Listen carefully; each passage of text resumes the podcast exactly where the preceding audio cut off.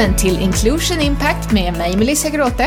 Och mig Sara Jonasson Ginters. Podden om ledarskap och inkludering. Om ni gillar det ni hör här i Inclusion Impact så uppskattar vi om ni vill ge podden stjärnor, prenumerera och dela i sociala medier så fler kan ta del av den. Har ni feedback eller förslag på gäster så får ni jättegärna höra av er genom LinkedIn, Instagram eller vår hemsida. Den här veckan har vi tre gäster med oss i två samtal. I den första delen pratar vi med Fayad Asali som är verksamhetschef på Mentor Sverige och sen med ett mentorpar, Marielle Sterner och Ellen Rö.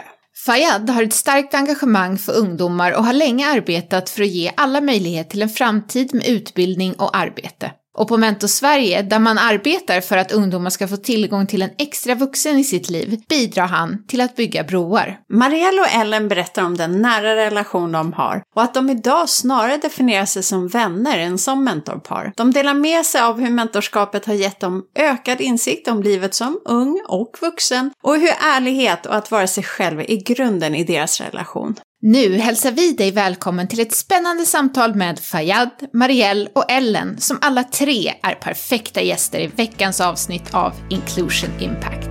Delar av samtalet är inspelat i Zoom.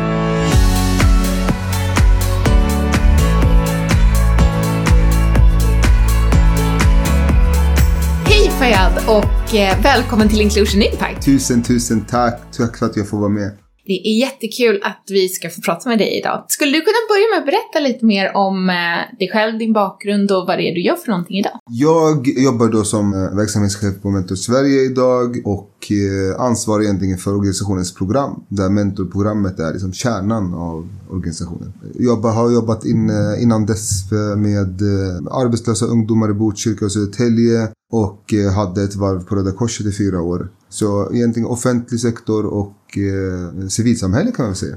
Mm. Med fokus på social hållbarhet. När har du som roligast på jobbet? Jag skulle säga det enkla svaret på det är när vi har eh, ungdomsaktiviteter. Alltså när ungdomarna är här eller att vi är bland ungdomarna i skolorna. Det är absolut roligt, det är det som ger energi. Varför ger det dig energi? Vad är det som gör det? Alltså man kanske känner sig yngre. Nej men, Nej, men det är att se, liksom, se den här potentialen som de har, den här energin som de har som man ibland kan sakna med sig själv nu. Man ser, de har ju liksom hela, hela livet framför sig och en del av dem känns som att de vet om det. Så man, det, är liksom, det är deras aura. Det, ja. Vi har precis börjat. allt, allt kommer härnäst. Och det kan man ju ibland liksom känna att man saknar lite grann. Så här, det, det, ger ju en energi att säga så här, men det, det här är de kommande generationerna. Vad är det för aktiviteter ni brukar göra tillsammans då?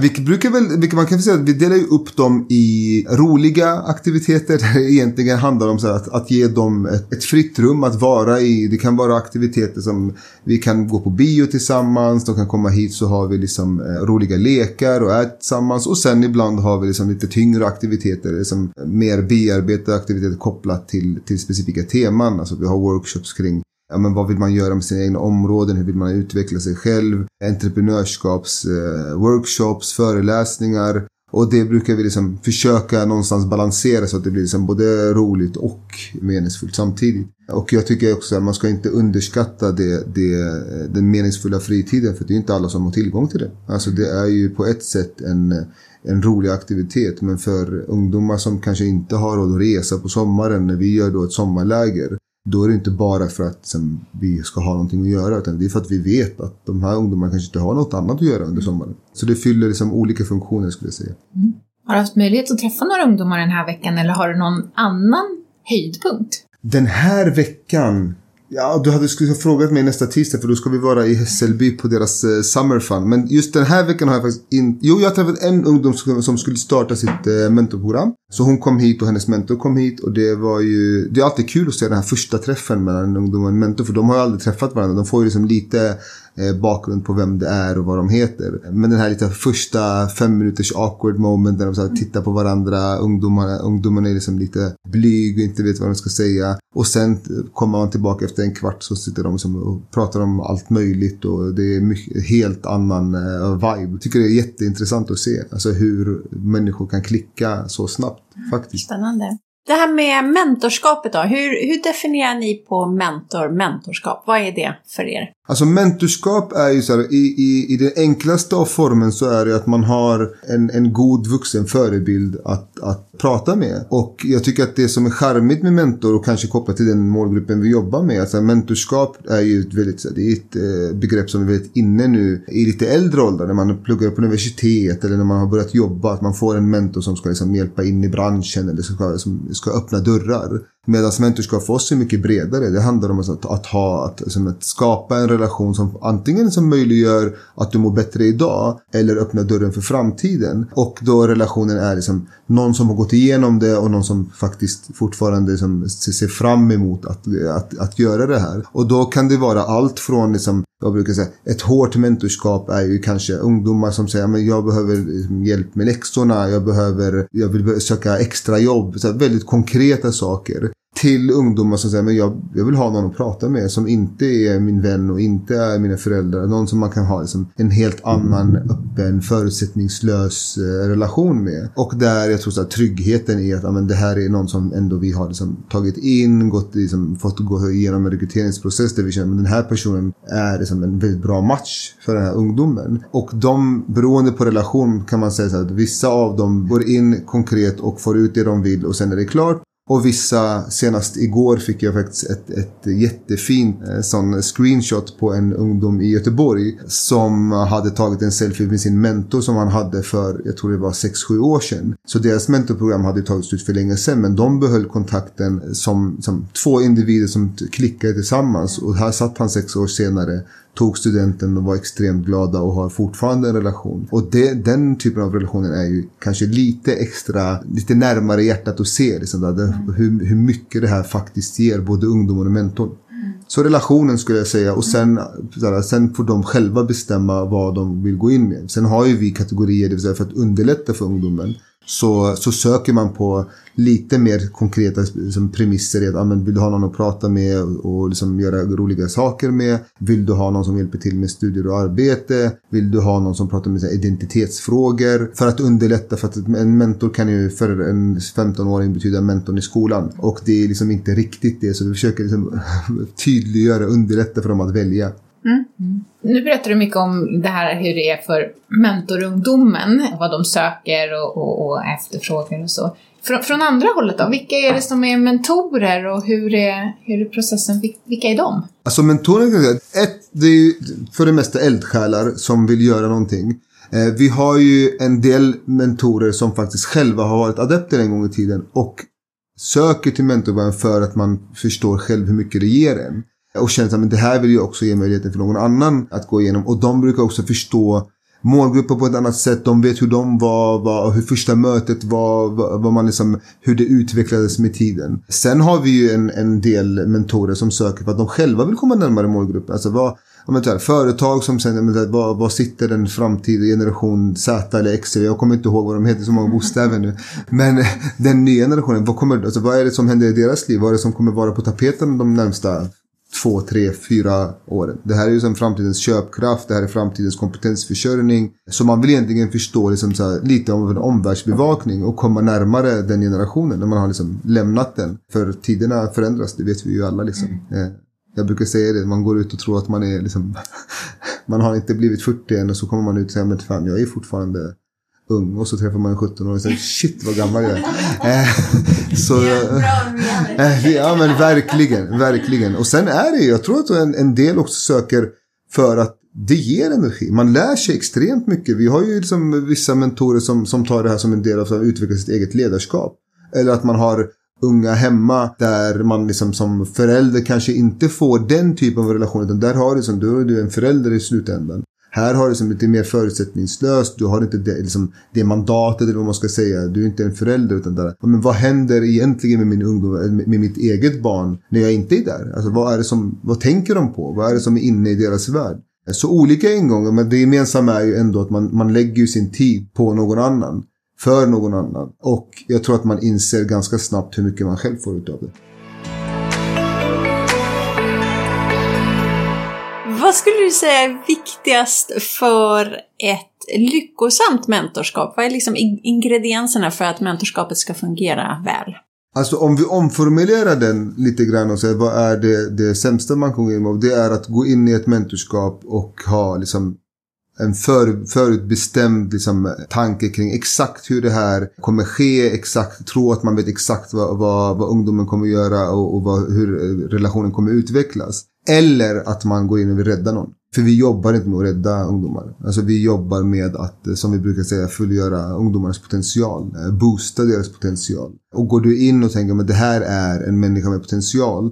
Då kommer din, ditt förhållningssätt vara just det. Alltså vad, hur mycket kan jag, så här, vad kan jag göra för att den ska bli det bästa den kan bli? Istället för att åh, nu ska vi gå in i ett problem som jag ska lösa. Och den, så här, ungdomen känner av det. Och mentorn får inte ut någonting av det. Utan i, i de flesta fallen så håller inte ett sådant mentorskap. För att ingen ungdom vill känna att ja, men jag, någon ska komma in här och rädda mig. Utan vi går ju in med en, liksom, en, en positiv relation och det måste vara det som styr.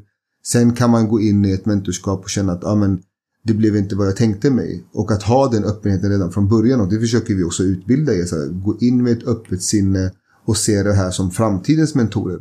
Det vill säga det här är liksom, vi bygger ju någon typ av, av, av eh, cirkel. Här, det här, de här ungdomarna är våra framtida mentorer. Det här är framtidens förebilder.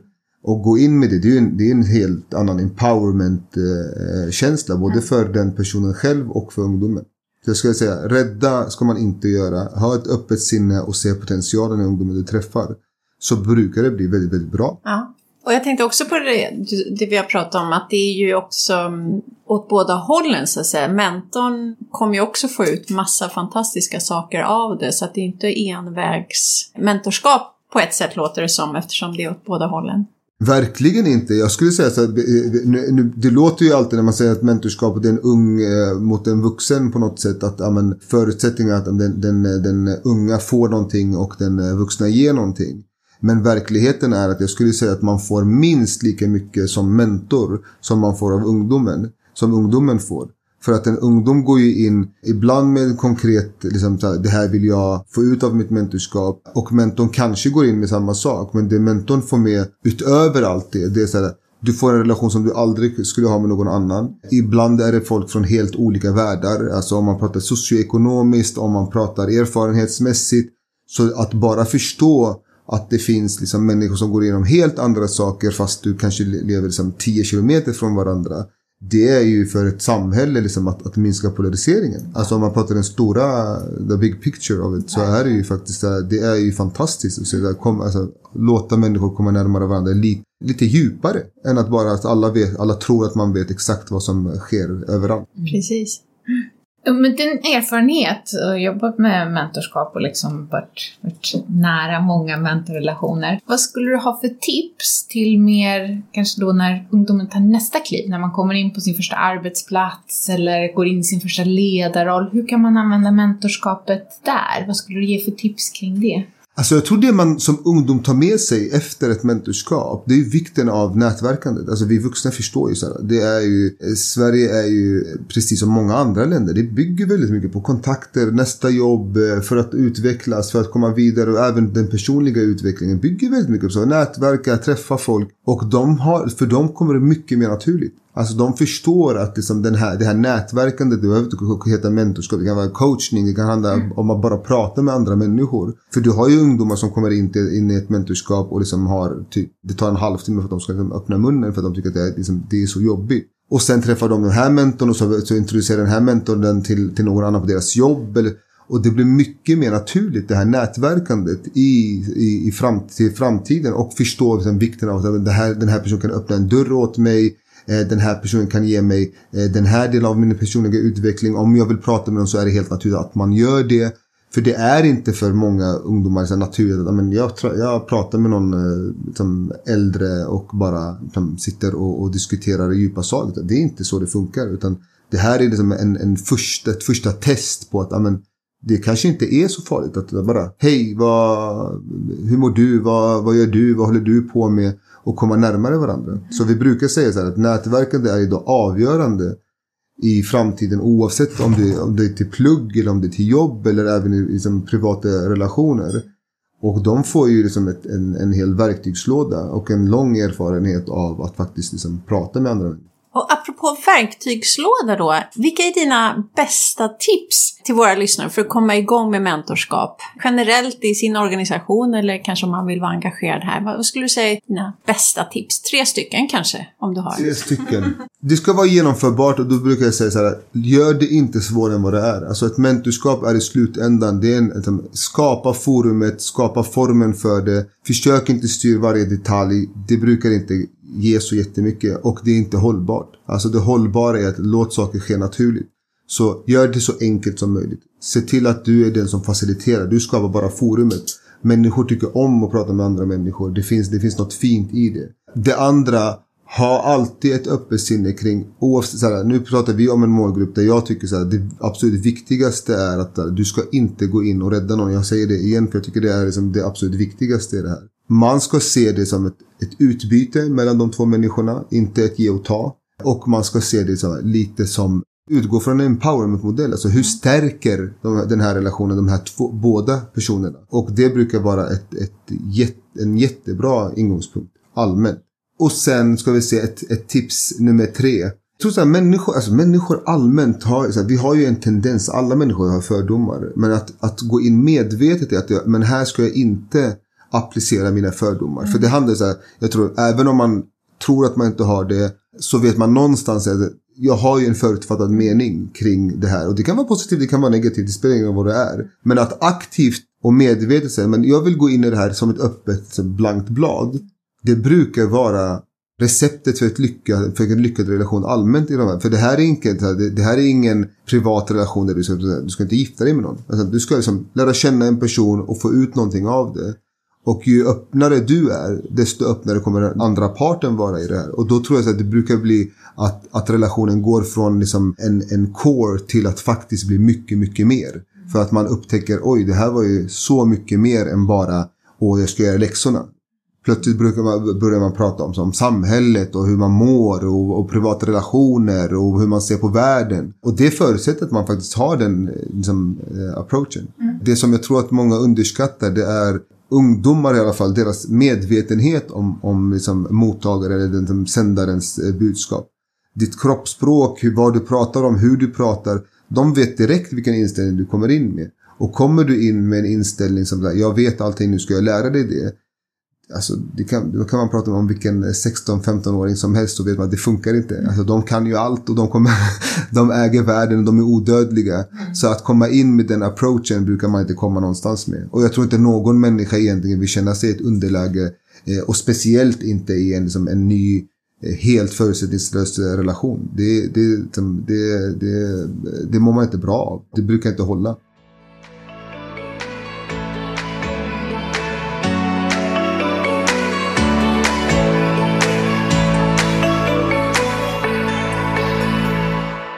Avslutningsvis, vad har du för tips att skicka med till våra lyssnare för att bli mer inkluderande i, i vardagen? Alltså förutom att försöka aktivt jobba med att vara fördomsfri så tänker jag att alltså, beroende på vilka målgrupperna är. Jag tycker så här, för samhället i stort, försök träffa människor som du inte träffar. Jag kommer ihåg när jag var på Röda Korset och vi hade liksom personer som ville göra någonting för eh, socioekonomiskt utsatta områden. Och så brukar jag säga så här, du vet att det är liksom tre tunnelbanestationer. Gå och ät en korv på kiosken där. Alltså det, det är, ibland är saker större i våra huvuden än vad det faktiskt är. Vi är, liksom, det, vi på något sätt ett väldigt litet samhälle. Vi har gjort det så segregerat, för, alltså vi har själv segregerat samhället. Samhället segregeras inte av sig själv. Och jag skulle säga, gör de här små sakerna som du faktiskt annars skulle göra. Alltså att, att människor har lättare att åka ut till ett landställe några, några mil utanför hela sitt län än vad man har att åka liksom två kilometer bort från där man bor. Det säger ju någonting om hur vi tänker.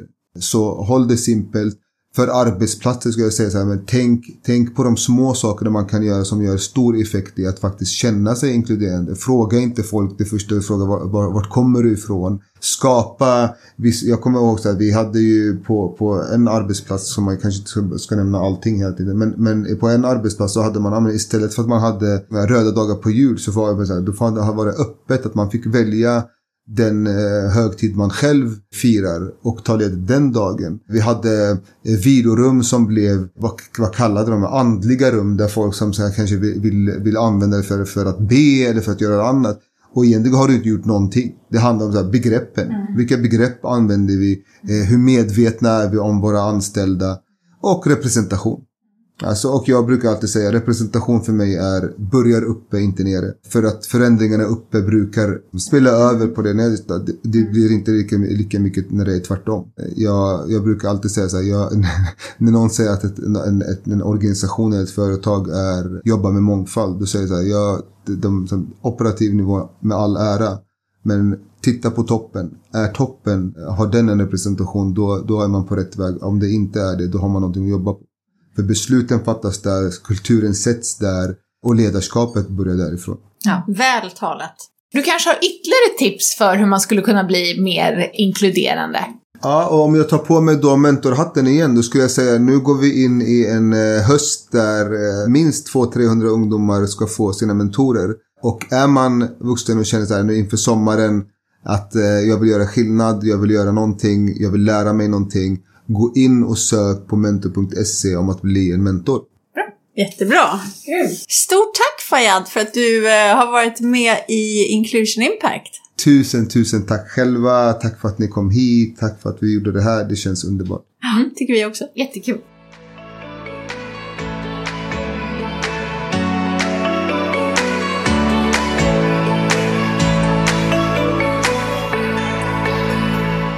Så välkommen till den andra delen av det här avsnittet idag när vi har förmånen att ha med oss Ellen och Marielle. Hej!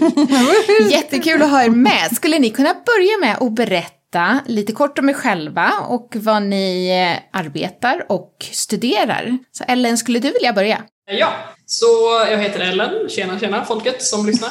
Jag eh, pluggar andra året på humanistiska på latinskolan. Och ja, jag lever mitt vanliga ungdomsliv med fantasy, rollspel och uh, musikspelande, antar jag. Lite, lite allt möjligt sådär. Jag bor i Malmö och jag är 17 år. Mm, kul. Och Marielle? Jag eh, jobbar med kommunikation på en ideell förening som heter Ung Media Sverige som ligger i Stockholm, men jag bor i Malmö, just bredvid där Ellen går i skolan i centrala Malmö. Och eh, jag gillar eh, att klättra och eh, kolla på romantiska feelgood-serier. Det gör jag väldigt mycket. eh, ja. mm. Härligt. Så ni två är ett eh, mentorpar genom Mentor Sverige. Skulle du, Marielle, kunna börja med att berätta lite mer hur det är att vara mentor. Hur skulle du beskriva det? Jag hade egentligen kunnat summera den här frågan, eller svaret till bara att vara mentor är att vara en vän. Det är egentligen inte mycket mer än så. När jag började, eller när jag sökte in till det här Mentor Sverige, så eh, dels så var det för att jag hade lite tid över, det var kul att göra något nytt, kul att lära känna någon ny. Och sen så hade jag väl också lite bilden av att ja, men det kan väl vara gött att hjälpa till på något sätt, eller hjälpa någon. Så det var lite den bilden jag hade av, av mentorskap. Men nu i praktiken när jag har träffat Ellen så eh, har jag fått lära mig att det inte riktigt så det ser ut. Ellen här behöver ingen hjälp alls. Jag skulle säga att hon är mer stabil än vad jag är. så mentorskapet har bara varit en, en personlig relation. Att lära känna en ny person som är hur cool som helst. Som man kan Som man kan snacka om vardagliga saker med, göra roliga grejer med. Ja. Och var kom den där bilden du hade av just det här med att hjälpa till? För det är något vi har pratat med Fayad också i samtalet. Men var kom den bilden ifrån tror du som du hade? Jag tror att den kommer ifrån att eh, när jag själv var tonåring, så när jag var i Eddans ålder, så var jag kaos. Så eh, jag var eh, inte lika together som Ellen här är. Och om jag skulle ha en mentor när jag var i Ellens ålder så skulle den personen behöva hjälpa mig. Mm. Mm. Så det var väl lite så jag tänkte. Jag tänkte in i att ah, men hur, var, hur var det själv att vara 17 år? Och det var speciellt. Mm. Det, var, det är väl därifrån den bilden kommer, att, att jag tänkte ur mitt egna perspektiv.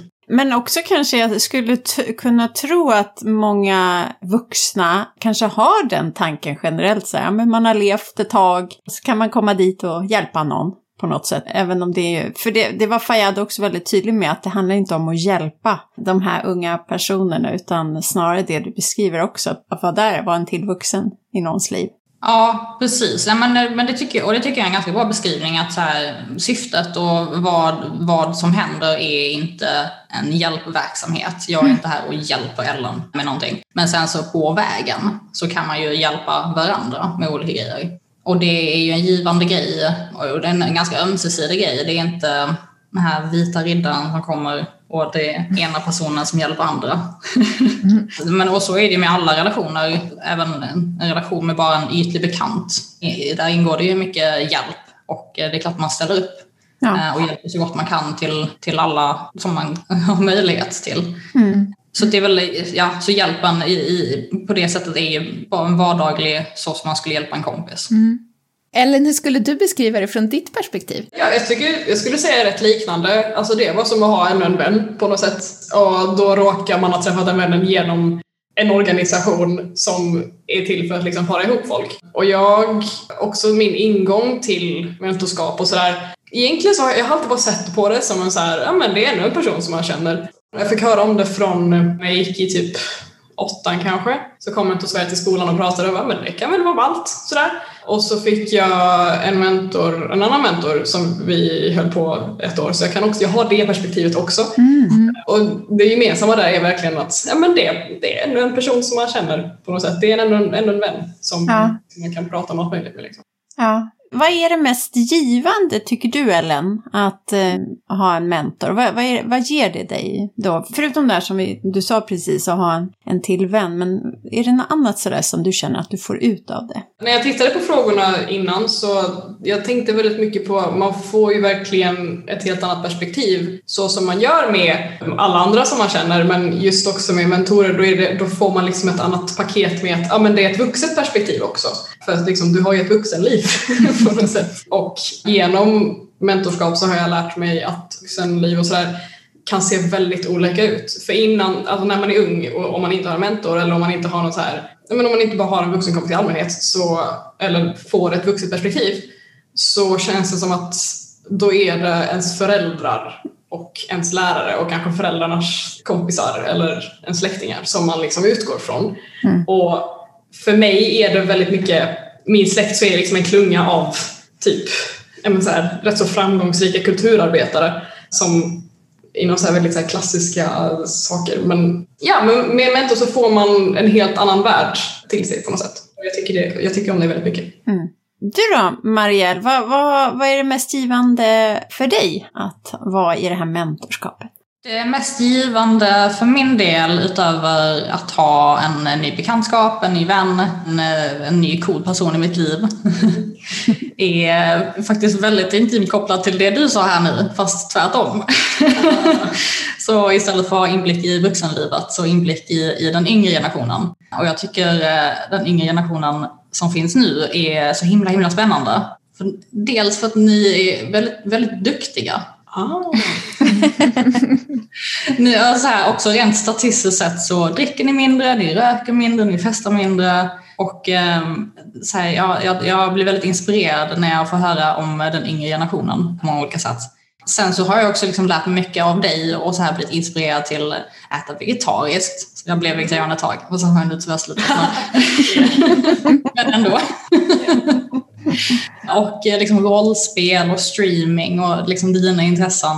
Yeah. Jag tycker man blir precis som att eh, som ung så hamnar man i sin bubbla med sina vänner och man blir placerad på barnbord och så vidare så blir vi placerade i någon form av vuxenbord yeah. där vi missar en massa nya grejer som händer som är, det är väldigt synd att missa för det kan ju komma väldigt många coola intressanta grejer. Mm. Till exempel streaming är ju en grej som många unga håller på med och som vuxna inte inte ens tänker på eller vågar ens prova. För att det liksom inte riktigt är i deras bubbla.